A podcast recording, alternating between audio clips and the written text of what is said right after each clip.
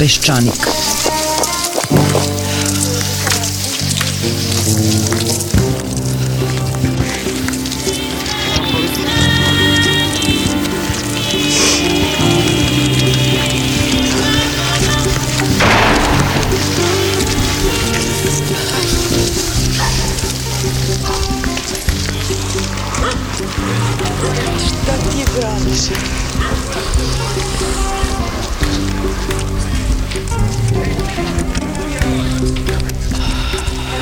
Peščanik.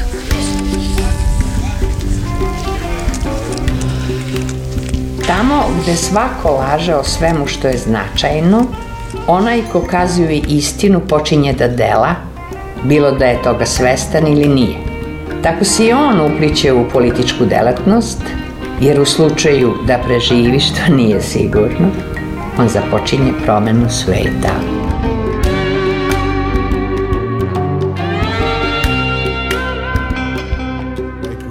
Već je postao vic odgovor koji je svojevremeno dao Koštunični ministar policije Dragan Jočić na pitanje da li je tačno da je u mladosti bio trafike.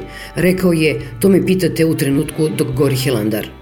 Sada opet gori Hilandar, samo se zove država Srbija. Pola te države se guši u smradu posle poplava, budžet je otišao od dođevola, a od reformi nije ostalo ni R. A mi moramo sada već nedeljama da se bavimo doktoratima ministra policije i rektora jednog od najvećih univerziteta u Srbiji, samo zbog toga što je Aleksandar Vučić rešio po svaku cenu da brani svog šefa policije. Umesto da brani neodbranjivo, da izmišlja svetsku zaveru, trebalo je, kao njegova domaćica Angela Merkel, na primjer da dozvoli da se stvar sa lažnim doktoratima istera na čistinu i da onda, uz žaljenje, pristane na ostavku jednog od svojih ministara i da pošalje signal, namigne ministru nauke da pokrene procedure za proveru doktorata čuvenog Miće Megatrenda. Ovako, pola države se treslo, lagalo se na sve strane, pretilo, okomilo na naš sajt, policija je davala smešno objašnjenje o tome zašto smo danima bili nemogućni da radimo, da bi se juče, kao da počinje rat, hitno sazvala konferencija za štampu ministra prosvete na kojoj je rekao ono što danima znamo, da engleski doktorat rektora Megatrenda i mentora ministra policije ne postoji. Problem sa Englezima je što pamti kao kornjače i sve pišu u neke knjige. Još za vreme rata ruža, dok su konjanici kuće Lancaster i kuće York mlatili sabljama, neki pisari su beležili koliko se u njihovom selu prodalo svinja, sveća, soli potkovica, sve što su pisali negde sačuvano. Izgleda da su Gazdamića i njegovi politički mentori i poslovni prijatelji mislili da su među vremenu Englezi odustali od pisanja i arhiviranja, inače ne bi tako bezvučno tvrdili da doktorat postoji, samo je dosadna engleska kiša potopila arhive. Ponovit ću kao još jedan znak zahvalnosti imena ljudi koji su nam svima omogućili da saznamo za ove lažne doktorate dvojica moćnih ljudi Srbije i na taj način stvorili priliku da nastavimo, u stvari da započnemo analizu ne samo načina i kriterijuma za dodelu doktorata, nego i samog obrazovanja. Dakle, to su dr. Uglješa Grušić, dr. Branislav Radeljić, Slobodan Tomić, dr. Marko Milanović i dr. Miljana Radivojević – Pokrenuta je i peticija podrške njihovim naporima da se stane na put neetičkim radnjama u delu univerzitetske zajednice u Srbiji. Nju je za sada potpisalo skoro 3000 ljudi. To su makom profesori na raznim univerzitetima, asistenti, naučni istraživači i doktorandi. To su ljudi sa univerziteta iz Srbije, ali i mnogo onih koji predaju na univerzitetima u Sjedinjim američkim državama, Evropi i Kanadi. Na kraju ove peticije se kaže pozivamo sve institucije i učesnike u debati da ovom problemu pristupe odgovorno i da ga ne predstavljaju kao političko, već isključivo kao akademsko pitanje. Prvi sagovornik današnjeg peščanika je jedan od autora teksta o lažnom doktoratu Miće Jovanovića, to je doktor Marko Milanović, koji je pre 8 godina, praktično odmah posle završenog pravnog fakulteta otišao iz Srbije. Umeđu vremenu je magistrirao u Americi, doktorirao u Engleskoj, a u avgustu će postati vanredni profesor na univerzitetu u Nottinghamu. Marka verovatno znaju neki slušalci peščanika. Bio je naš sagovornik još kao student pisao tekstove za naš sajt o nekim spornim presudama u Hagu, pre svega oslobađanju gotovine Markača. Marko je ovih dana bio na kratku u Beogradu i juče smo napravili ovaj razgovor koji ćete čuti. Tada još uvek nismo znali da će se održati čuvena konferencija za novinare ministra prosvete na kojoj je zvanično saopštio da je engleski doktorat Mića Jovanovića lažan, odnosno da ne postoji. Nakon smo telefonom snimili i Markovu reakciju na tu konferenciju za novinare. Mi nismo neka sad super koherentna grupa koja je na ideju došla u isto vreme iz istih razloga nužno. Mislim, Prvo su, dakle, na ideju da o doktoratu gospodina Stefanovića napišu tekst došli Ugliša Grušić, Slobodan Tomić i Branislav Radljević. I oni su to došli zato što već oni duže vremena razmišljaju o tome da naprije jedan projekat provere diploma političara i generalno javnih ličnosti, tako da kažem, na, na, sceni Srbije. I oni su sa, u saradnji sa tim Centrom za istraživačko novinarstvo, oni su pokušali da dođu do nekoliko različitih doktorskih disertacija i ovo je bila prva do koje su oni došli. A pritom, imajući u vidu da je gospodin Stefanović ministar policije, on je bio vrlo lepa prilika za prvi tekst o tome. Tako da to je njihov razlog, dakle, jednostavno, ajde da kažemo, očuvanje akademskog integriteta u Srbiji za pisanje tog teksta. Moj razlog i razlog moje koautorke da napišemo ovaj drugi tekst o, o rektoru Jovanoviću je sličan, dakle to se takođe radi o akademskom integritetu, ali takođe i malo prozaičniji, on je želudačne prirode, ako me razumeš. Dakle, Evo zašto smo sad konkretno Miljana i ja napisali taj tekst. Zato što je gospodin Jovanović reagovao na tekst o ministrovom doktoratu na način na koji je reagovao.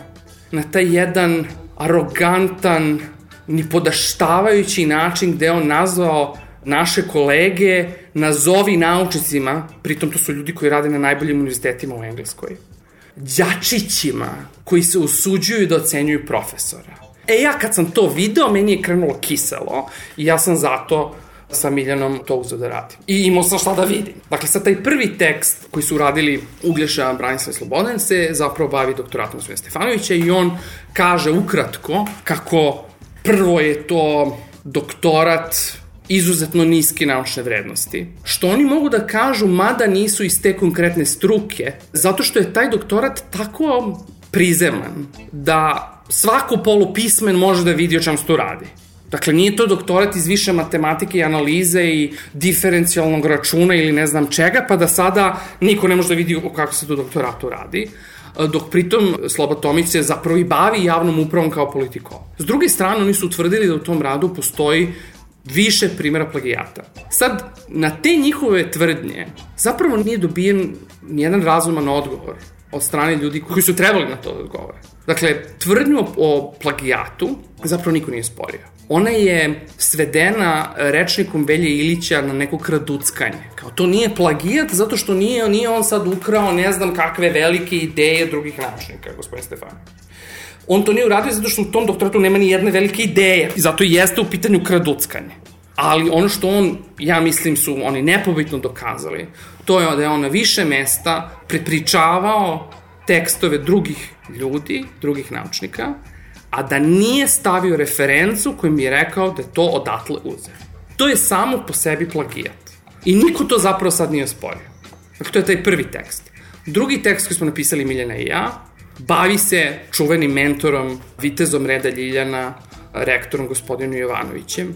I taj tekst po nama dokazuje da postoji osnovna sumnja da on nikada nije doktorirao u Londonu 1983. godine kako tvrdi u svojoj zvaničnoj biografiji. I mi smo to podkrepili raznim argumentima i istraživačkim radom, uključujući činjenicu da tog njegovog doktorata nema ni u jednoj biblioteci u Engleskoj, da svi katalozi elektronske baze podataka koje smo mi pretražili ne pokazuju njegovu doktorsku disertaciju, Mi smo pisali čoveku, tom profesoru Stevenu Woodu sa univerziteta u Lesteru, za koga je Jovanović u jednom tekstu tvrdio da mu je bio mentor, pitajući ga o doktoratu gospodina Jovanovića, gde je profesor Wood nama rekao kako on jeste imao izvesnu mentorsku ulogu, pošto je gospodin Jovanović bio registrovan u toj jednoj višoj školi u Portsmouthu za doktorat, da je on kao neka vrsta spoljnog mentora u to bio uključen i da po njegovom saznanju gospodin Jovanović je pao na usmenoj odbrani teze, da je od njega traženo da podnese revidiranu verziju i da on to nikad nije učinio.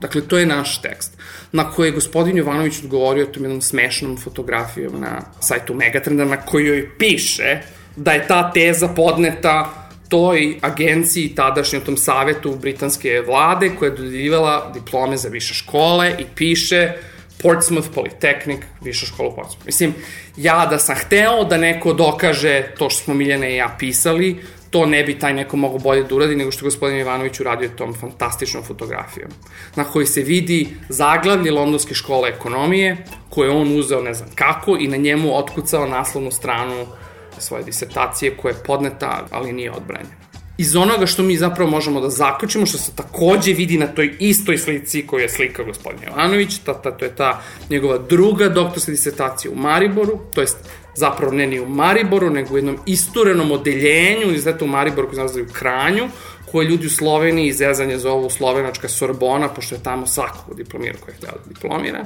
da je on zapravo isti doktorat koji je pao u Londonu, malkice preradio i odbranio u Kranju. To je ono 8 godina kasnije. To je ono što mi možemo da vidimo iz dosadašnjeg razvoja situacije.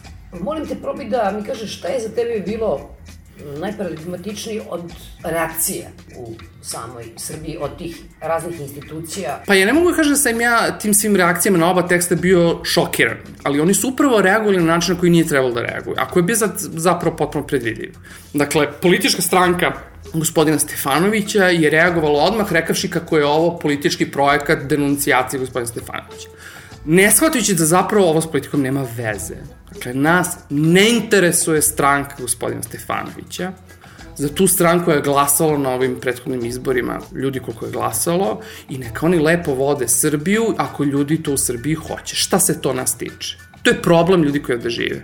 Takođe, Uglješa Grušić, Slobo Tomić i Ivana Radeljić su hteli da istraže druge doktorate, uključujući, na primer, doktorate ljudi iz demokratske stranke, ali do njih još uvek nisu došli, zato što su univerziteti na kojima su dotični ljudi doktorirali opiru zahtev za pristup informacijama od javnog značaja.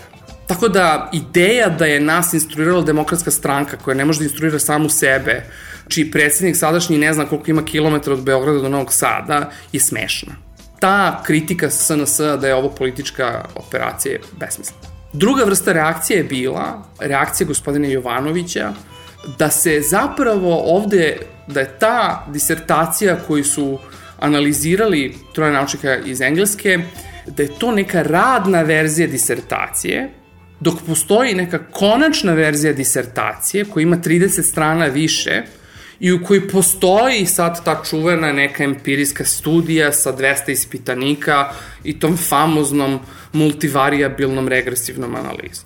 Tako da zapravo ovde je analizirana neka radna verzija. Dakle, moguće da je u nekom delirijumu megatrenda. Oni stavljaju koričene radne verzije doktorske disertacije u svoju biblioteku i onda na upita novinara nekoliko meseci posle odbrane teze daju novinarima radne verzije disertacije. Ono što ja samo mogu da znam, to je da je novinarka Centra za istraživačko novinarstvo tražila zvanično konačnu verziju, jedinu verziju doktorske disertacije gospodina Stefanovića, da su oni njoj to dali, da je ona slikala to stranu po stranu i ako odete na internet i vidite tu verziju, vi možete da vidite da je ta disertacija ima konsekutivnu paginaciju, znači to ide od prve do druge do 190 neke strane. Dakle, tu niko nije ništa menjao. Čak i da se ovde radi o nekoj radnoj verziji disertacije, za to nisu odgovorna ni novinarka Cinsa, ni trojica autora, već Megatrend, ko je dao tu ukoričenu verziju disertacije sve sa tim terakota povezom, novinarki Cinsa. To je jedna opcija. Druga opcija je sledeća.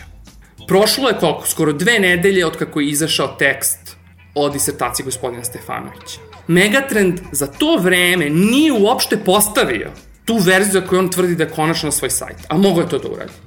Koliko mi znamo, više novinara je tražilo od Megatrenda da slika celu tu tezu, za sada se to nije desilo. To dovodi do jedne sumnje da su u posljednjih deset dana na Megatrendu bave prepravljanjem te teze da bi u njoj nadomestili nedostatke koje je uočeno u analizi trojice autora. Ja sad opet vam kažem, ja ne mogu da kažem koja od ove dve opcije je tačna, ali to su te dve opcije, ne postoji treća. Sve što je Megatrend trebalo da uradi da bi otklonio sumnju u to, to je da u ponedeljak, pošto je objavljen tekst Grušića, Tomića i Radiljića objavi celu disertaciju na svom sajtu. Oni to nisu uradili. Sledeća reakcija koja je problematična je reakcija akademske zajednice u Srbiji, pre svega zvaničnika akademske zajednice u Srbiji koji ćute. Nijedan dekan, nijednog fakulteta, nijedan rektor, nijednog univerziteta nije nešto rekao ovim povodom. Dok Ministarstvo prosvete je prema celoj stvari imalo jedan, kako da se izrazim, stav kome nedostajala kičma. E sada, danas smo mogli da vidimo kako je ministar prosvete saopštio da su oni otpočeli zvaničan postupak provere činjenice da li gospodin Jovanović ima doktorat iz Londona. I to je super. Druga reakcija akademske zajednice u Srbiji koja postoji, to je zapravo ta peticija koja je sada potpisalo više od 2500 ljudi, mahom naučnika, naših naučnika iz zemlje iz inostranstva, koji traže od države da ovu oblast sistemski uredi, da problemi akademskog integriteta budu dobro regulisani, da svaki univerzitet ima obavezu da postoji jasna procedura za proveru svih mogućih nedostataka odbranjenih disertacija i da se sve disertacije, majstorske i doktorske teze stavljaju na internet, osim u slučajima kad postoji neki naročito opravdan razlog da se to ne učini, poput zaštite intelektualne svojine, da bi svako mogao da vidi šta u tom doktoratu piše. Tako da je, mislim, zvanična reakcija tako je zapravo najviše razočaravajuća. A sad možemo se zapitamo zašto je to tako. Marko, da li ste vi očekivali Ako ste razgovarali uopšte o tome, i kao da ste bacili bombu ovde sa ova dva teksta, kako ti objašnjivaš toliko histeriju zapravo koja je napravljena? Te stvari su se dešavale u zemljama koje mnogo više drže do svog obrazovanja, prosvete, večiti čuveni primjeri, je li tako? Nemačke. Ministra, Nemačke, pa vrlo je neprijetno za vladu i tako to, ali se rešavali ovde kao da je ceo sistem pao na kolena jednog časa. Pa to je zato što za sistema nema. Zato je on pao mi na kolena. Ono, davno ne postoji, davno je urošen. Mislim, nemoj me pogrešno shvatiti. Ovo je, kao što si ti rekla u onoj emisiji na RTV Vojvodine, ovo je vrh ledanog brega. Dakle, problemi kako smo mi ukazali postoje ne samo na Megatrendu, postoje i na drugim privatnim fakultetima, ali i na državnim fakultetima, na kojima se školuje gro ljudi koji u ovoj zemlji završe neke studije. Zato je ta reakcija takva ko zna koliko je ljudi prošlo kroz taj megatrend, koliko je ljudi dobilo pare ili se koristilo kod tog megatrenda. To je, zato je to tako. Zato što je ceo sistem korumpiran, duboko.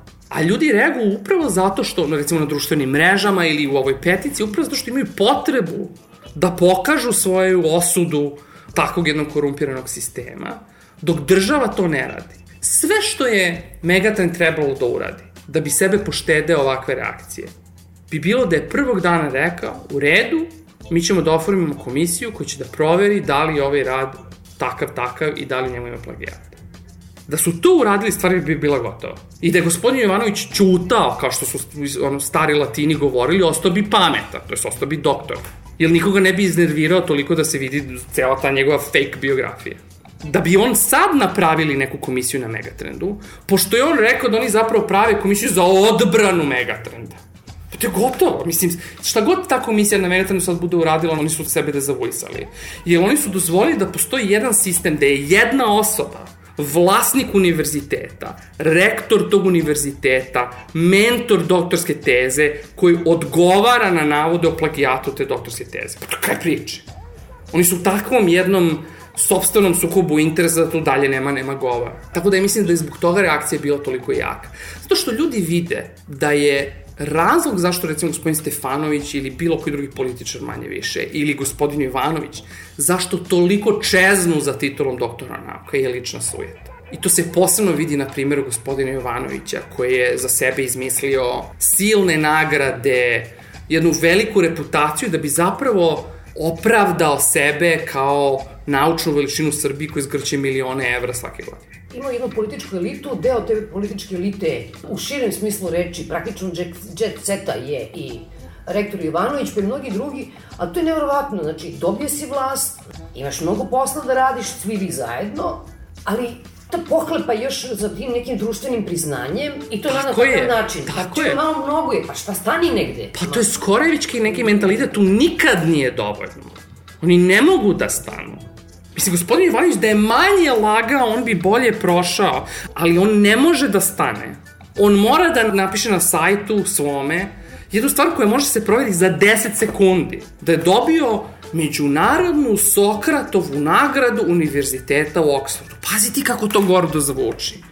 I samo ukucaš Sokratova nagrada i tebi ispada da to dodeljuje privatna firma koja ima sedište u gradu Oksfordu, čiji gospodin Jovanović bio član nekog odbora. Dakle, to je jedan primer jednostavno od jedne od tih mnogobrojnih institucija koje postoje širom sveta koje dodeljuju nagrade za pare. Ili objavljaju za pare. Da je on manje lagao, ne bi mi njega provalili ovako lako. To je strašno što su ljudi sebi ovde dozvolili. Dakle, videti da je to Minhausenovska jedna biografija zatreba vam bukvalno 15 minuta. Dakle, činjenica da to nije otvoreno do sada je porazna i za akademsku zajednicu u Srbiji i za novinare u Srbiji. Mislim, opet, ja, ja sam ti objasnio zbog čega je, sam ja to pogledao sada. Ja osam godina živim van Srbije i meni Miće Jovanović u mozgu nije bio nikad za vreme tih osam godina. Ja sam njega registrovao zapravo, bio sam svestan njegovog postojanja, ali sam ga prvi put video u svojoj njegovoj slavi sad. I zato je to sad. Ne zato što me sad blatila Kronska. Ali činjenica da nijedan novinar nije uradio ovo što smo mi uradili je za mene poražavajuće. Ali to je tvoja profesija. Mi smo, Marko, razgovarali pre nego što sam ti otišao mm -hmm. 8 godina. Bio si... Dete. Dete si bio. I umeđu vremenu do tih 8 godina smo mi ko ona žaba koji su kuvali, kuvali, kuvali, kuvali Skuvala na kraju nekako, ne, kao, nemaš refleks više nikakav, jer je to više nije metastaziralo, to je svuda. Prosto nekada treba zaista fizički da izađem iz zemlje na 15 dana pa da ugledam Srbiju kad se vratim ovamo, ja? To je tačno, to je potpuno tačno. S druge strane, mada ta inostrana perspektiva nas petoro. Znači da mi imamo jednu vrstu objektivnosti, jer mi stvarno, nijedno od nas ne zavisi ni od koga ovde u ovoj zemlji. Dakle, ja nemam nijedan razlog osim želudačnog da se ovim bavim. I prestaću im da se bavim vrlo brzo jer imam pametnija posla, mislim da budem iskren. Ali s druge strane to znači da ja ne mogu neke stvari da pričam. Ponavljam, baš mene briga što je SNS na vlasti u ovoj zemlji, u principu. To su posla ljudi koji ovde žive. Pa vi to rešite na način koji ćete da rešite ali činjenica da neko sebe pravi akademskim velikanom na način na koji to gospodin Jovanović radi, gde opet kad ne može da se zaustavi, nego dovodi tu dvojicu famozne te braće Francuza i pravi katedru kosmologije na Megadonu. Pa čekaj, pa to je, pa to je da se direktno da, da umreš od smeha. Ili sad dovodi kao predsednika Megatrenda, tog jednog obskurnog Amerikanca zove Woodrow Clark, za koga tvrdi da je laureat Nobelove nagrade za mir. A taj čovek je bio jedan od milion šrafova u međuvladinoj komisiji za klimatske promene, koja kao institucija pre nekoliko godina zajedno sa Alom Gorom dobila Nobelovu nagradu za mir. I on sad za sebe svuda tvrdi, ne ovde. Mislim, samo da se razumemo, i među strancima ima, ima hoštaplara koliko hoćete. Dakle, taj čovjek za sebe tvrdi laureat Nobelove nagrade. To kao kad bi, kad su jednjene nacije dobilo Nobelovu nagradu za mir pre 10 godina, neka kafe kuvarica u Njurku u UN-u tvrdila da je laureat Nobelove nagrade. A to je on u sve novine stavio to saopštenje. Dakle, u svim novinama koje možete da otvorite ima saopštenje Megatrenda kako je Nobelovac postao predsednik Megatrenda. O tome se ovde radi ja ne mogu ovde da se bavim svojim poslom na način koji ja želim da se bavim svojim poslom. I to je to. I zato sam ja otišao. Nisam ja sad otišao zato što obožavam englesku kao takvu. I desetine hiljada ljudi su iz Srbije zato otišli. Zato što prave jednu racionalnu računicu da je njima više stalo do svog života, kvaliteta svoje karijere, nego do nastavka života ovde. Ali to ima jednu povratnu spregu s tim da naravno samim tim situacija u ovoj zemlji postaje sve gore i gore. Ja sad ne znam koje je rešenje za to. Ja ne vidim neko očigledno rešenje za to. Ali imaju u vidu takođe da su mnogi ljudi koji su na rukovodećim pozicijama na ovdašnjim univerzitetima, oni se osjećaju ugroženim od ljudi iz inostranstva. Jel, ja neću sad da pominjem imena, jer oni ne objavljuju nigde. Oni nemaju za sebe nikakav neki veliki naučni doprinos. Neki imaju, ali to je veliki izuzetak ne, ne želim da o tome dalje govorim, ali mislim da je to jedan proces koji će trajati decenijama ako počne, ali on mora da počne, a on ne može da počne kada je jedan od lidera akademske zajednice u ovoj zemlji neko kao što je Miće Jovanović. I njemu ekvivalentni, koji samo su manje slagali. Mislim, sad koje bi trebalo pogledati. I to opet, kažem, nezavisno od toga koji stranci pripadaju. Siguran sam da i u demokratskoj stranci i u, u reslovima demokratske stranke takođe postoji famoznih takih tipova i ko bude imao energije, ja sam da će neko od nas imati energije, će to da pogleda. S radošću. Ali o tome se ovde radi. Da, ja, ja mislim da je Peščanik u tom, tom pogledu uradio jednu vrlo veliku društvenu korisnu stvar. Sad, tek ćemo da vidimo šta će od ovoga sve da se desi. Vrlo je moguće da će ovo da usahne kad se cela ova stvar smiri za mesec, dva, tri. To je strategija ljudi koji sad o tome u Srbiji odlučuju. To je njihova želja. A na narodu Srbije je da se postara da se to ne desi. Jer je narod Srbije taj koji će biti oštećen ako dozvoli da cela ova stvar umre. a ne ja. Meni je drago da je ministar prosvete potvrdio nalaz iz našeg teksta da, da gospodin Jovanović nikada nije doktorirao u Londonu. Istovremeno, dakle, dok je ministar prosvete imao svoju konferenciju za štampu i Londonska škola ekonomije je izdala saopštenje ne na svom sajtu, već ga je poslala novinarima koji su je prethodno e, davali upite, kojima ih je obavestila da ona zvanično potvrđuje da gospodin Jovanović nikada nije doktorirao na LSI. Dakle, mi sada znam od ministra i od same Londonske škole ekonomije i Londonskog univerziteta da gospodin Jovanović tamo nikada nije doktorirao. I to je, eto, potpuno definitivna jedna stvar, dakle da sad je gospodin Jovanović jednostavno dokazano se lažno predstavlja sve ove godine. Šta misliš mm -hmm. da bi mhm. bili sledeći potezi države preko nadležnog ministarstva? Pa naravno, pitanje doktorata gospodina Jovanovića ni na koji način ne umanjuje zasebno pitanje doktorata gospodina Stefanovića i svih ostalih političkih funkcionera iz makoje političke stranke koji imaju dubiozne doktorate, a gospodin Stefanović nije jedini. Dakle, to je najvažnija stvar. Ovim cela priča nije rešena. Dakle, i dalje ostaju ozbiljne sumnje u naučni kvalitet i akademski integritet doktorata gospodina Stefanovića, koji je tim pre sad doveden u sumnju imajući u vidu krah njegovog mentora. Ja vas počinjem da u komisiji pred kojom je odbranjen doktorat gospodina Stefanovića su dakle sedeli rektor, koji je takođe bio njegov mentor, koji za koji sad imao da dokazani lažov, dvoje stranaca koji ne govore srpski koji taj rad nikad nisu pročitali, profesorka sa Fakulteta političkih nauka koja je javno rekla da nije prisustovala odbrani i profesor Mijan Damjanović. Dakle, ja ne mogu da shvatim kako sad neko može da tvrdi da doktorat gospodina Stefanovića nije upitan. On je vrlo upitan. Bio je ovo Marko Milanović, jedan od autora teksta o lažnom doktoratu Miće Jovanovića. A evo kako je naš autor Dejan Ilić, koji je ovih dana intenzivno pratio i pisao ovim slučajima za sajt Pešanika, prokomentarisao saopštenje ministra prosvete.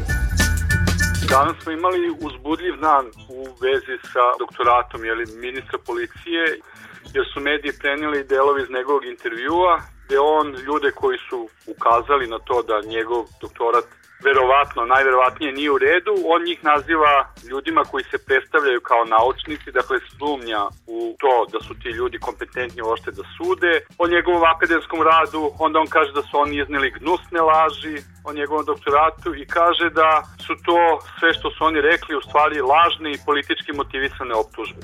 S druge strane, ministar policije je rekao da je on svoj doktorski rad pošteno uradio i on kaže, to je njegov ključni argument, komisija pred kojom je on branio taj rad je bila sastavljena od uglednih profesora koji nisu imali prigovore jeli, na njegovu tezu.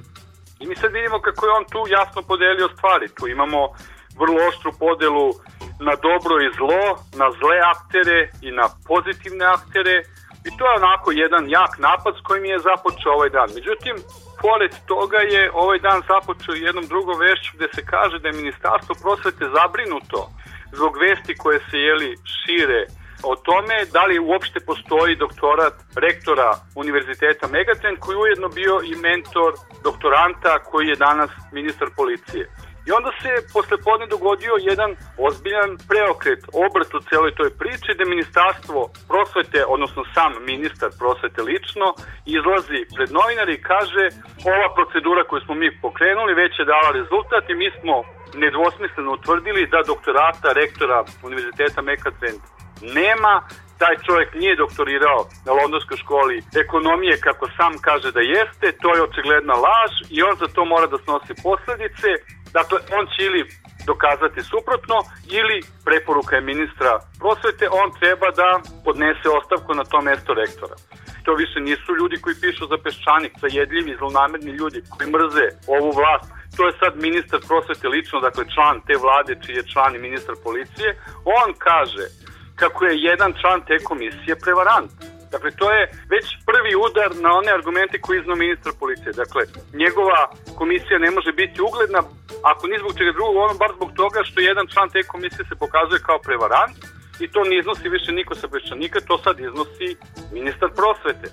U toj komisiji sede još dva profesora koji dolaze sa nekih stranih univerziteta i kojih nijedan ne govori srpski.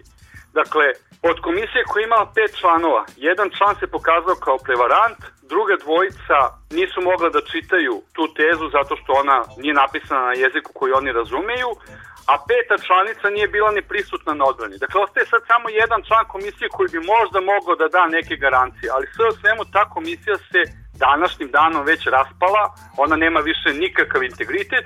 E sad, očigledna je tu nekakva igra da se rektor pusti niz vodu, da se sačuva megatrend i da se sačuvaju titule.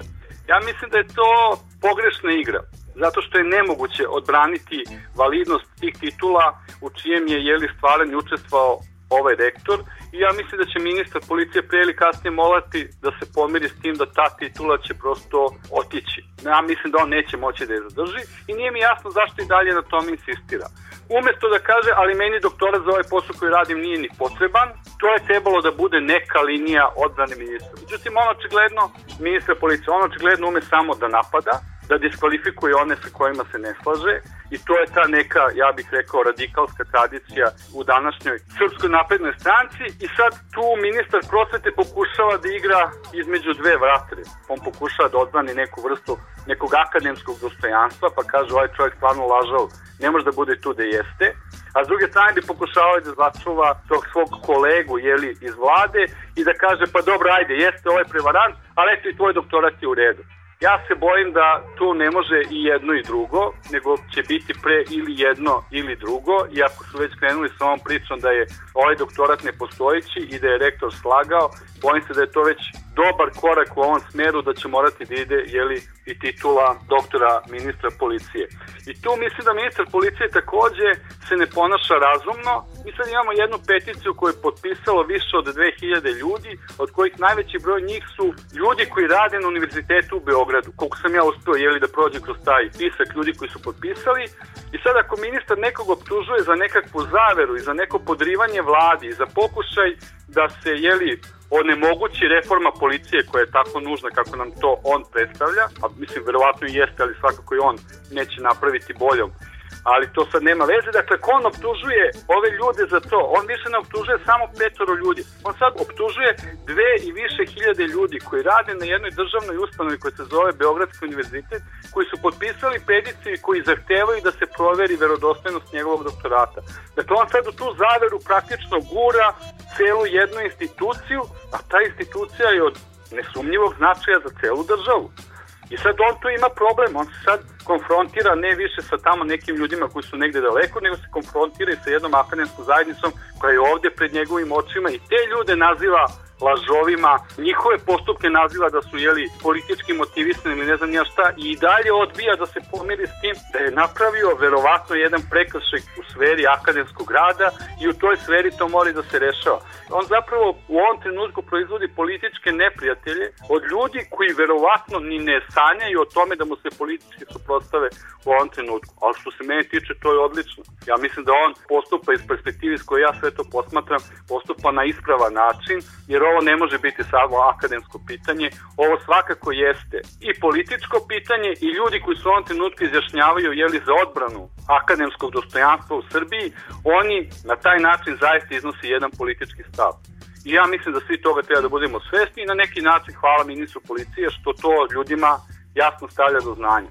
Ima međutim tu još jedan problem koji je mnogo, mnogo ozbiljniji od svega ovoga o čemu mi sada pričamo, a to je zapravo da se dovodi u pitanje cela procedura akreditacije i u stvari svi oni silni ljudi, a to su desetine hiljada ljudi koji su već prošli kroz univerzitet Megatrend, koji su to platili, koji su tu kao dobili neke diplome, kojima je rečeno da je to sve u redu, kojima su te diplome priznavane, a sad se ispostavlja da ih je neko godinama varao. To nisu mali novci. I to je sad pitanje u kakvoj smo mi državi do sada živeli, kako je taj akademski svet bio organizovan, kako su se te akreditacije vršile, kome je to bilo u interesu da se to tako radi i to mislim da je ozbiljan problem. Mislim da se sad para, da se to sad polako raspada i da će tu morati da se rade neke ozbiljne stvari ja mislim da je to dobro. Mislim da je odlično što se to dogodilo i mislim da je odlično što će se sad postaviti sva ta pitanja i najgore bi bilo zapravo da oni zaista žrtvuju samo sadašnjeg rektora, a da sve ostalo ostane kako je bilo. Mislim da ovi ljudi koji kažu ajmo sad da vidimo a ko je uopšte priznao sve to, ko je prihvatio zdravo za gotovo sve te titule, ko je na osnovu toga priznao taj univerzitet i zašto i šta se u stvari tu sve događalo. Pominju se tu neke razni ljudi koji su na tom univerzitetu, Za neke od njih znamo da su 90-ih jeli, bili pri vlasti socijalističke partije, ako se ja sad ne varam, neki su učestvovali u nekakvim ustavnim jeli, rešenjima koja su bila donošena 90-ih, dakle svi su ti ljudi koncentrisali oko megatrenda i evo sad se to raspada i meni je odlično jeli, da se ta pitanja otvori, da se vidi ko su ti ljudi, kako su oni tu radili, ko im je to dopustio, to je prosto neki put ka nekim možda boljim rešenjima. Dakle, stvarno mislim da bi najgore bilo sada da se sve završi s njim što ćemo pustiti rektora niz vodu, a sve ostalo će biti kao što je bilo i do sada. Mislim da ovo što su se ljudi na Beogradskom univerzitetu i drugi ljudi koji se studiraju negde napolju organizovali, što su potpisuju ovu peticiju, mislim da ne treba na tome da stanu, mislim da treba da se organizuju još bolje, mislim da treba da preduzmu nekakve sistemske mere, da uđu u sistem, da zahtevaju provere i da se na kraju krajeva to pitanje raščisti. Ja mislim da je ovo prvi korak, taj prvi korak je meni se čini bitan za peščanik, zato što više niko ne može da kaže da se na peščaniku iznose neistine, više niko ne može da kaže da iz peščanika stoji ne znam ko sa svojim interesima ko hoće da podriva ovu vladu. Mi u ovom trenutku imamo jednog ministra u toj vladi koji je praktično ponovio sve ono što je rečeno na peščaniku. Dakle, ili i Pešani govori istini, govori stvari koje su od opšteg interesa za ovo društvo, ili ministar u toj vladi radi za nečije interese i podriva tu vladu i hoće da sruši ministra policije. I dobro je da se sad institucije bave onim što je pokrenuto na peščaniku i na kraju krajeva ovo sad već liči na nešto što bismo u nekakvim, ono, sa nekim velikim, velikim ogledama mogli da nazovemo pristojnim društvom. Mediji rade svoj posao, skreću pažnju na bitne stvari, otvaraju pojedine teme, institucije to preuzimaju i onda u okviru sistema odgovaraju na te stvari i rešavaju probleme na koje su ukazali jeli ljudi koji rade u medijima. To delo je kao nacrtano, školski primer kako bi društvo trebalo da funkcioniše i ako je ovo sad neki primer za ubuduće, jeli kako će se raditi, odlično.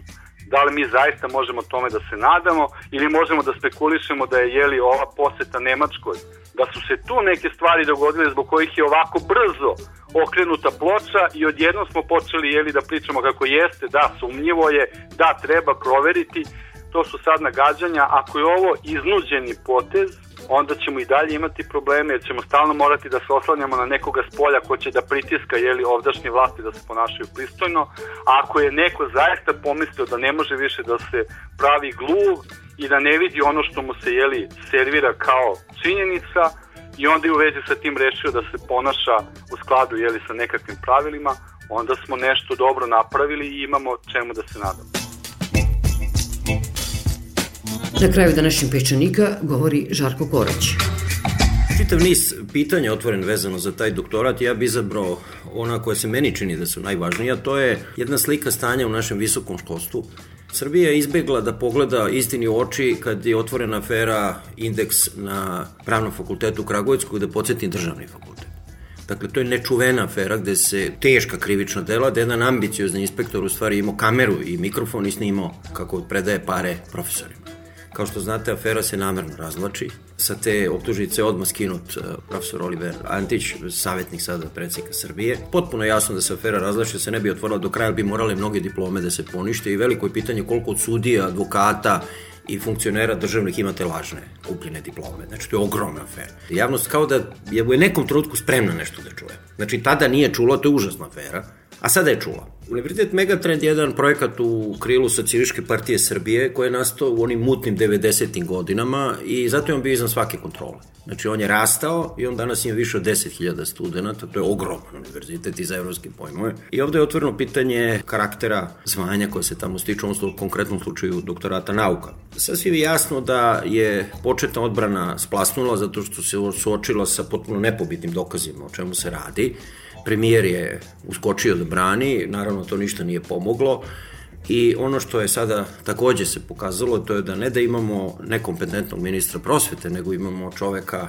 koji se direktno ne usuđuje da bilo šta smisalno progovori o aferi, on čak kaže to nije o njegove nadležnosti, što je zaista komično. Ja mislim da jedan od delova odgovora možemo dobijemo u tome, ja sam pogledao sajt, sad sam prvi put pogledao sajtove neki ti privatni univerziteta, jedan od prorektora za međunarodnu saradnju je bivši ministar prosvete Žarko Bradović. Ja sam pogledao neke sada po prvi put od tih privatnih univerziteta, ja sam naravno obratio pažnju na dva koje su dala najviše doktorata protoklih godina, to su takozvani Univerzitet Privredna akademija Novi Sad, ima interesantan naziv, i drugi Evropski univerzitet u Beogradu. Ja ću samo navesti jedan primer, znači sam isključio sa sajta, nikada do sada nisam to gledao, tiče Evropskog univerziteta u Beogradu, čiji je vlasnik i rektor profesor dr. Milija Zečević, ima jedna zanimljiva stvar. Od 14 nastavnika koji se navode da tu predaju, nalaze se i sledeći. Profesor dr. Slobodan Zečević, tu se nalazi dekan fakulteta za evropski biznis i marketing, profesor dr. Leposava Zečević, dekan, i tu se nalazi prorektor, profesor dr. Olgica Zečević Stanojević. Tu imamo još jednog profesora Stanojevića. Možda ovi četvoro ljudi imaju slučajno iste prezimena, ali ja bi se pre pomislio da su rodbinski vezani to liči na jedno privatno preduzeće. Inače, navode se profesori po pozivu i počasni doktori, tu je njegov rođeni brat takođe Zečević, i tu sam prvi put otkrio da je jedan od profesora, bivši predsednik Jugoslavije, Momir Bulatović, koji je varedni profesor koji je doktorirao na Evropskom univerzitetu u Beogradu i pritom se ne kaže da ima veliki broj naučnih radova, se navodi se jedna knjiga o ulasku Srbije i Crne Gore u Evropsku uniju koju sam jedan puta držao u ruci koja svakako nije naučni rad nego jedno publicističko delo i to po mojom mišljenju pričam loše. Napominju još jednom privuku sam i pažnjim od dva univerziteta zato što su dali najveći broj doktorata, koliko znam, Univerzitet Privredna akademija Novi Sad je dao oko 200 doktorata. To je mnogo više nego što imamo doktora psihologije od drugog svetskog rata, to znamo. Tako da ovde je naravno se pokazalo nekada se kupovale diplome srednje škole, pa eventualno više škole, pa onda se zuckalo da ne može da se kupi neki ispit, pa se onda pričalo da može skupi fakultet, a sad smo stigli do doktorata. Znači korupcija je otišla logično do samog vrha. I u toj situaciji ministar prosvete, Mesto da on kaže ovo je strašno, ja ću napriti jednu komisiju, ja ću uzeti sistemom nasumičnog izbora da proverim doktorate na nekim od ovih fakulteta, privatni i državnih odmah da kažem, On kaže, pa to nisam ja, za to nisam kompetentan. I strude se da ovo zabašure, posledica je direktna da jedna sprnja sa sistemom visokog obrazovanja. Tako da mi ovde sada pokazujemo da sa urušavanjem institucije ovoj državi, mi smo sada demonstrirali da je urušen preko ovog jednog doktorata, urušen čitav sistem visokog obrazovanja, velikim delom, a niko neće da utvrdi u koje meri i da pokuša to da popravi, jer i naravno postoji mogućnost da se poništavaju ti doktorate. Odmah da vam kažem, ovde se niko ne osuđuje na smrt ili smo oduzima ovina, samo se oduzima nezakonito stečeno zvanje ili diploma. Ništa više od toga. Ali evo, dokle smo mi došli da niko se ne usuđuje to da uradi, a se plaši naravno šta će naći. I javnost ovde je reagovala umesto institucija države, kad kažem jedan deo intelektualne javnosti, mene nimalo neče da su reagovali ovi mladići i devojke koji žive u inostranstvu, ja ću vam reći zašto su reagovali. I nije nimalo slučajno da su reagovali ovi koji rade i žive u Engleskoj. Engleska ima izvanredan sistem obrazovanja, još uvijek se smatra i u 20 najboljih univerziteta postoje kriterijum gde se nalaze tri ili četiri, zaboravio sam Engleska. Pored ostalog sad se pojavio i London University po prvi put, upravo ovaj o kome pričam. Prvi rečem, engleski ima izvanredan sistem visokog obrazovanja, oni su sad videli standarde i kriterijume po kojima oni moraju da doktoriraju i da steknu svoje naučne zvanja i zato je kod njih šok veći. Mene nimalo ne čudi da su ti najtalent, to sigurno talentovna i pametna deca, da ne bi ni bili tamo i tamo stekli ta zvanja, vidim da jedan ovih postaje u Nottinghamu vanredni profesor, to je sve teško. Znači, zato je njihov šok ogroman kad su videli šta se ovde zove doktoratu i to je vrlo visokog državnog službenika. Ono što je po dva ovde se dogodilo, to je da je vlast se branila na jedan način koji je zaista nezamisliv. To znači, ipak se radi o ministru utrši posao koji je zadužen za kriminal. Tako da je ta odbrana je u stvari srušila vlast ili je ruši tamo gde ona najtanja. Ona je došla na borbi protiv korupcije. I kad se suoči sa problemom nezakonitosti unutar svoje sobstvene stranke i svoje vlasti, onda ona reaguje na ovakav način. I to meni je gotovo neshvatljivo da Vučić to nije shvatio. On je pokazao jednu ekstremnu lojalnost, braneći čitav vlast, ali je u mojom mišlju mnogo mudrije bilo, što on naravno nije mogu da uradi iz raznih razloga, da rekao u redu, ako postoje optužbe, onda je red da univerzitet to sam ispita. I konačno, pokazalo se da je ono pitanje koje se često postavljalo šta je opozicija, u kakvom je stanju opozicije, naravno da je vrlo jadnom stanju, pokazalo se da postoji još jedan način da vlast oslabi, to je da uništava samu sebe. Jede samu sebe i to se ovde pokazuje sada belodano svakome ko će pažljivo da gleda. Njena arogancija, njena prepotencija, njena agresivnost, njena doktrinarnost, ona ima nešto didaktički, što nijedna vlast do sada imala, ona nama stalno deli lekcije. I to je ljudima u jednom trenutku prijelo, sada i sve manje prije. Nas vlast stalno uči kakvi treba da budu. Istovremeno, biografije tih ljudi pokazuju da oni nisu baš bili najbolji učenici onoga što bi se zvalo moralnih društvenih normi. Tako da su oni jako nepodobni da dele moralne lekcije, ali oni to neprekidno rade. I deleći moralne lekcije oni su spotekli na prvo, a to je ti sam moraš biti moralan i sad se pojavljuje naravno jedan novi atribut za ovu vlast, to je da ona licemerna. Ona govori građanima jedno, a sama kad su njeni članovi te vlasti, kad su visoki funkcioneri te vlasti u pitanju, onda se ona ponaša ili se pravi da ništa nije, ili je jedan vrlo agresivan i po mojom mišljenju potpuno odmeren način to brani. Javnost je počela da se bori za dve stvari. To su dve stvari od velike važnosti za Srbiju, to je sistem obrazovanja, jer mi možemo to sad ići korak po korak. Problem doktorata, tog zvanja, status privatnog univerziteta, kažem, najvećeg u zemlji, status univerziteta u celini, ali bih rekao sistema obrazovanja. Ipak je najšira tema ovde sistem obrazovanja. I drugo što se dogodilo, to je reakcija javnosti na teror nad medijima. I pokazalo se da mi smo dobili nešto što je nezamisio u evropskom smislu, to je da se ljudi koji pišu na Facebooku privode na policijske razgovore. Ja bih mogao jako mnogo o toj temi, zato što je panika i proizvodnja panike i društvene posljedice panike, ne znam da li znate, izvorno psihološka tema kada je 41. godine decembra Amerika napadnuta u Pearl Harboru, tada je počela glasina našto na takozvanoj zapadnoj obali SAD, Kalifornija, da je uništena celokupna pacifička flota SAD i da predstoji iskrcavanje Japanaca na zapadnu obalu SAD. I počela je bežanje. I onda su tipičan pragmatizam američki, dva poznata psihologa, Olport i Posman, su napravili jednu studiju koja se zove Psihologija glasina, koja je danas deo obrazovanja svakog psihologa u svetu i svaki student psihologije zna o čemu govorim. Znači, panika je jedna vrlično egzaktna stvar i nije nešto što utvrđuje policija. Nikakve panike nije bilo, a posebno ovi ljudi s Facebooka, vi morali da dovedete u direktnu vezu čovjeka koji piše za 50, 100 ili ne znam koliko ljudi, posebno dokaže da on to namerno radi da bi sabotirao sistem. To je nečuveno i to jeste jedan korak u represiji medijskoj mnogo dalji nego što ja mislio da će ova vlast da uradi. Nije im dovoljno što kontrolišu praktično sve medije i što se većina plaši da zucne bilo šta, nego sada i hoće da kontrolišu i društvene mreže. I vlast koja ne može da podnese najmanju kritiku je u suštini vlast koja je nesigurna u samu sebe, koja samoj sebi ne veruje i koja želi gušenjem kritičke reči da sebi osigura svoj opstanak. Tako da niti je ova vlast odgovorna za Megatrend univerzitet, niti ga je napravila zaista, to jeste projekat u krilu njenog koalicijnog partija Svičke partije koja ćuti, kao što ste primetili, i pustila niz vodu rektora Miću. I isto tako, mehanizmi represije medijske su postojali pred kraj Miloševićeve vlasti. Ali je fascinantno da se oni sada obnavljaju kad ova vlast ima još uvek veliku podršku građana. Tako da je ovde vlast, e, naša sredina ustala odbrani dva veoma bitna institucija demokratije. Jedna, prva ova je daleko najvažnija, to je pravo na kritičku i slobodnu reč.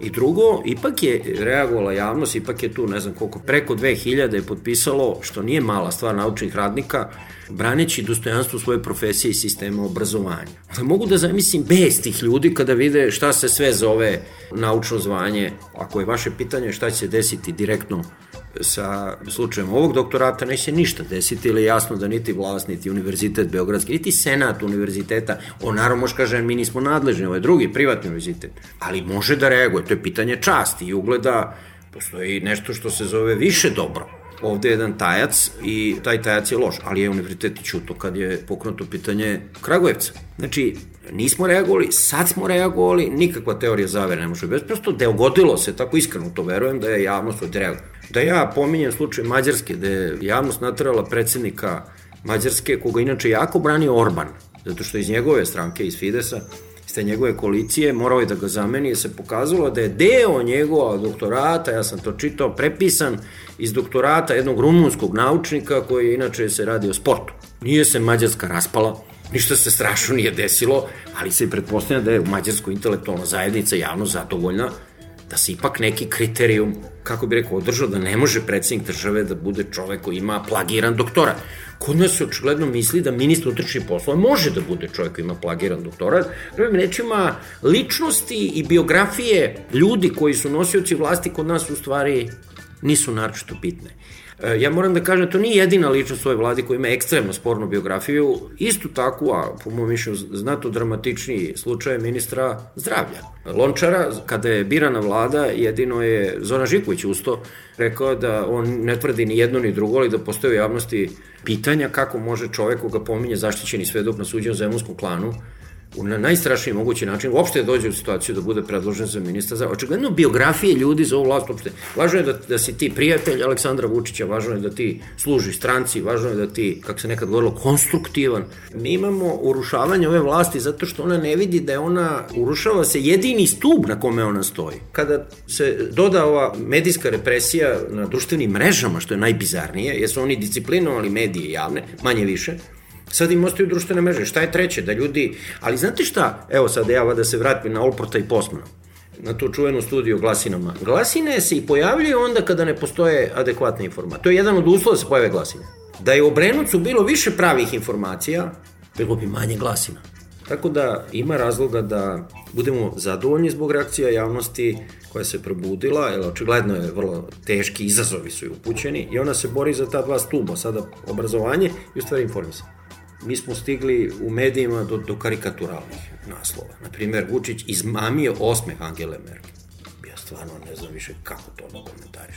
Jedna nezrelost ove vlasti, kao da su ti radikali bivši u stvari nikad nisu misleći da će na vlast. Kao da su šokirani da su na vlasti, kao da stalno misleći neko otme tu vlast. Meni podsjeća to, oni me podsjeća ako ćete slikovita čovjeka koji je na olimpijadi dobio zlatnu medalju, pa je onda došao kući i spava s njom i drži je da mu neko ne uzme. Misli, dobili ste te izbore, niko ne spori. Kogod nešto kaže, oni reaguju gotovo histerično. E, još je Benjamin Franklin rekao, znate, sloboda štampe je zvuk demokratije. Kad nemate slobodu medija, nema demokratije. To je problem Srbije. Postavljate pitanja, dobijate odgovore, oni koji bi treba da daje odgovore ne žele da daju odgovore i vi u stvari stalno zatrpavate. Otvorit će se to ponovo prvo ljudi neće imati poverenja uopšte doktorate, kao u Nušićevom DR, ako se sećate, ispaće da je to svi kupuju. Tako da vi u stvari sada unižavate svakoga koji je završio Megatrend za ovaj pretokli 20 godina. Ali vi ste u stvari sad ruinirali svoj sobstveni univerzitet. Sa tim, naravno, koloritnim rektorom za koga se pokazalo da je direktno lagao svoje biografije o nekom fantomskom doktoratu i vi imate falsifikovanu biografiju rektora. Naravno, u nekoj normalnoj zemlji taj rektor bi već dao ostavku, jel? Ali ko zna ko je sve vlasnik tog univerziteta, otkud ja znam sve te njegove vile u Monte Carlo, stanovi po Evropi, da li on baš vlasnik svega, ko je finansijskom tom učestvuje, koliko znam, on je sin bivšeg direktora rudarsko-topijaničarskog bazena Bor, znači čovjek bi očekivao recimo njegovu ostavku, bar onda ostane vlasnik, ali da više nije, da ne vodi to, ali on očigledno voli Natašu Bekvalac, mislim, svi oni tamo predaju, mislim da ekstra Nena doktorirala u januaru, ali zamislite sada, na primjer, da grupa doktoranata mega treba da napiše javno pismo i kaže mi tražimo svoj ispit. Da kažu ljudi, ajde da zaštitimo mi sebe. Izvolite, evo naši doktorati, ispitajte ih. Ništa, sve će, kako ono beše, sve će da pokrije snegoviša, sve će tak, sve će, neće sve proći. Mi imamo još ličnosti u javnom životu koji imaju kupljene diplome. Na moju veliku nesreću nisu koncentrisani samo u Socijaličkoj partiji Srbije i Srpskoj naprednoj stranci, odnosno Srpskoj radikalnoj stranci.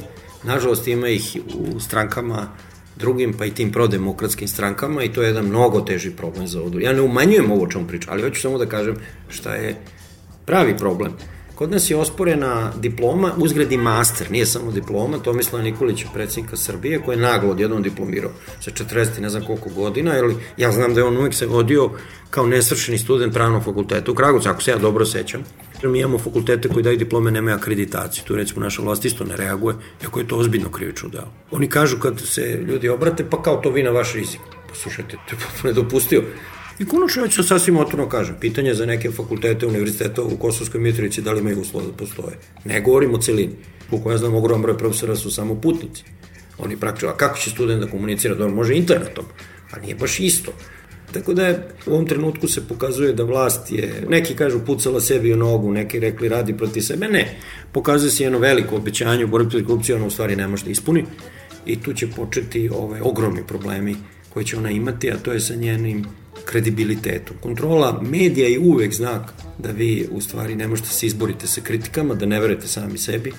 Jedna netolerancija potpuna, jedna paranoja na svaku kritiku to je mnogo ozbiljnije nego što izgleda u prima. To nije jedna nezgodan atribut ove vlasti, bojim se da je to suština ove vlasti. I to onda je jedan put koji ne ide dobro, on ide u jedan čorsok, kako to je potpuno očigledno, i ono što su objektivne teškoće vlasti onda neće da bude predmet pažnje javnosti, ili javnost će onda da se zamajava drugim stvarima, vlast neće imati vremena da se bavi onima što bi morala da radi, to je ekonomski program, koraci na putu evropskih integracija, nego će stalno biti reaktivna, ona će stalno da napada i mi smo već ušli u tu polako, u tu spiralu koja je katastrofalna za ovo društvo. Realno nije ona loša za vlast, loša i za nas građana ovoj zemlji. Neko bi morao da izađe iz te spirale i da prekine u nekom trenutku i da kaže ovo što se radilo s medijima ne valja, A da, mi imamo takođe činjenicu da ministar kulture i informisanja nigde ga nema. Problem je što kod njega dobije resor u kome je on kompetentan samo za pola resora, to su kultura i medije, on za mediju zapravo nije. E sad to ne znači da on ne bi mogao da kaže nešto, ali ne možete vi tako što kažete tako magupski, pa da to nema veze sa mnom, nisam primetio ništa, padaju i drugi sajti, to su, znate, to je ulični žargon, to tako, znate, I meni se čini da u ovoj vladi ne radi se više o solidarnosti člana vlade, nego bih rekao čak strahu člana vlade da kažu nešto što nije u skladu sa onim što misli mastermind nekako imate utisak da je to jedan vod vojnika, imate onoga, onoga nekoga narednika koji samo komanduje. To nije dobro, to je isto jako loša slika vlade, jer vlada ima užasno mnogo problema. I izabrali ste ministra vojske koji takođe ima neku interesantnu diplomu. Kako je on te ljude uopšte izabrao? Njemu, njemu izgleda sve jedno što javnost misli. Naravno, on ima prava na svoje saradnike, ljudi u kojima on veruje, to nije sporno. Ali očigledno ima teški promaš. Što pokazuje da će on održavati svoju vladu i rekonstrukcijama, ja očekujem na jesen rekonstrukciju, očekujem da neka stranka još uđe, vratno Tadićev. Znači, on će imati još mnogo tih stepenica, ali ovo sad, kako mi vidimo, ne vidim, iskreno smo se baš usrećeni. Prva stvar koju tražite od sebe da budete na čelu jednog tela gde se objedinjuju sve politike obaštene službe. To je već samo po sebi vrlo interesantno. Onda vi kažete su vas prisluškuju i kažete da vas prate. To mi se Nikolić tvrdi da mu preseciju kolonu.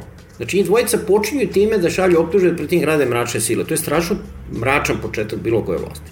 Onda vi neprekidno govorite da neko radi protiv vas, da neko, sada strani ambasadori nutkaju medije. Meni je sad priča jasno ovaj, šta je podloga te priče, pošto naša državna bezbednost sam bio radi svoj posao, ona izgleda počela da premijeru servira razgovor ambasadora. Znači, evo čime se bavi BIA, znači vraća se praš opet na svoju funkciju političke policije, jer BIA se bavi terorizmom, drogom, a ne time šta razgovara ambasador sa urednikom medija. Odam otvoreno i jasno kažem.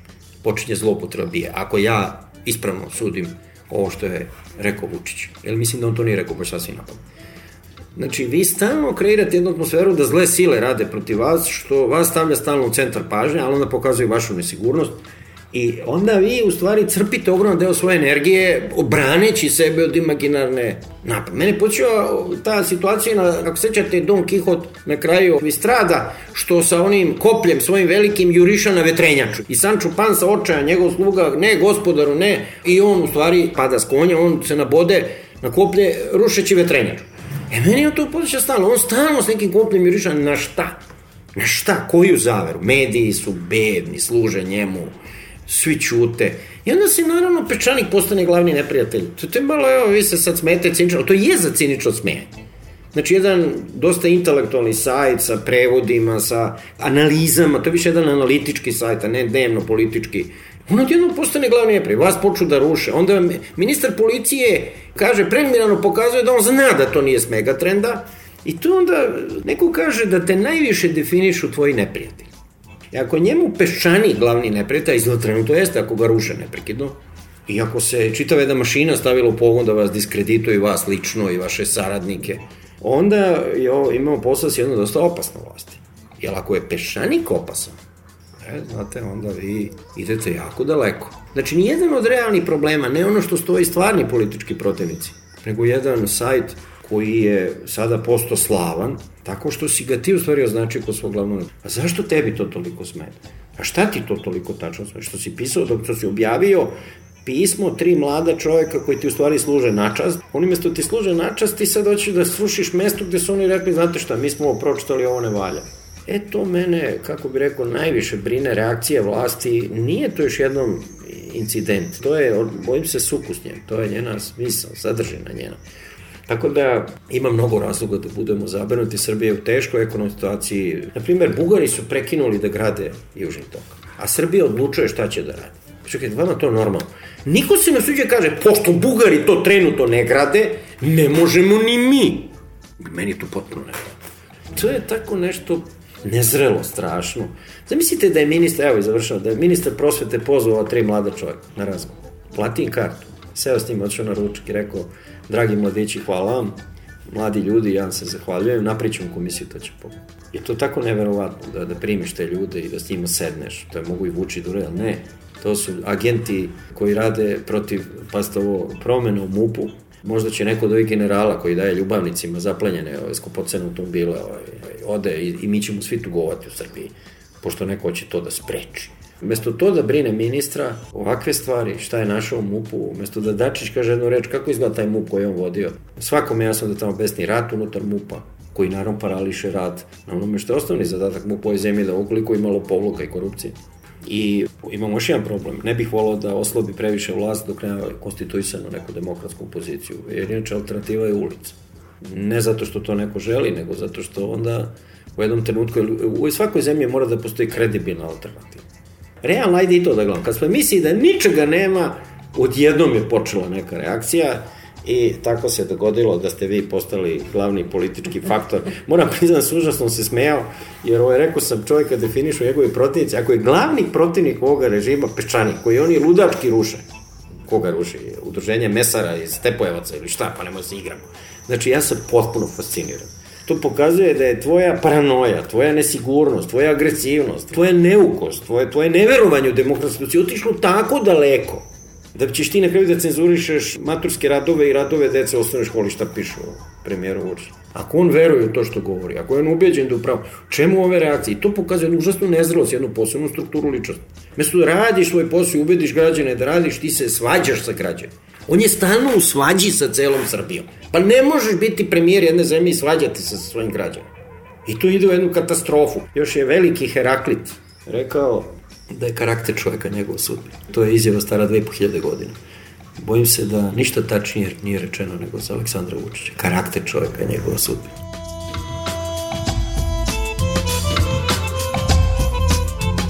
Bio je ovo još jedan peščanik, slušali ste dr. Marka Milanovića, dr. Dejana Ilića i dr. Žarka Koreća. Pozdravljaju vas Svetlana Vuković i Svetlana Lukić, samo sa fakultetskom diplomom. Peščanik.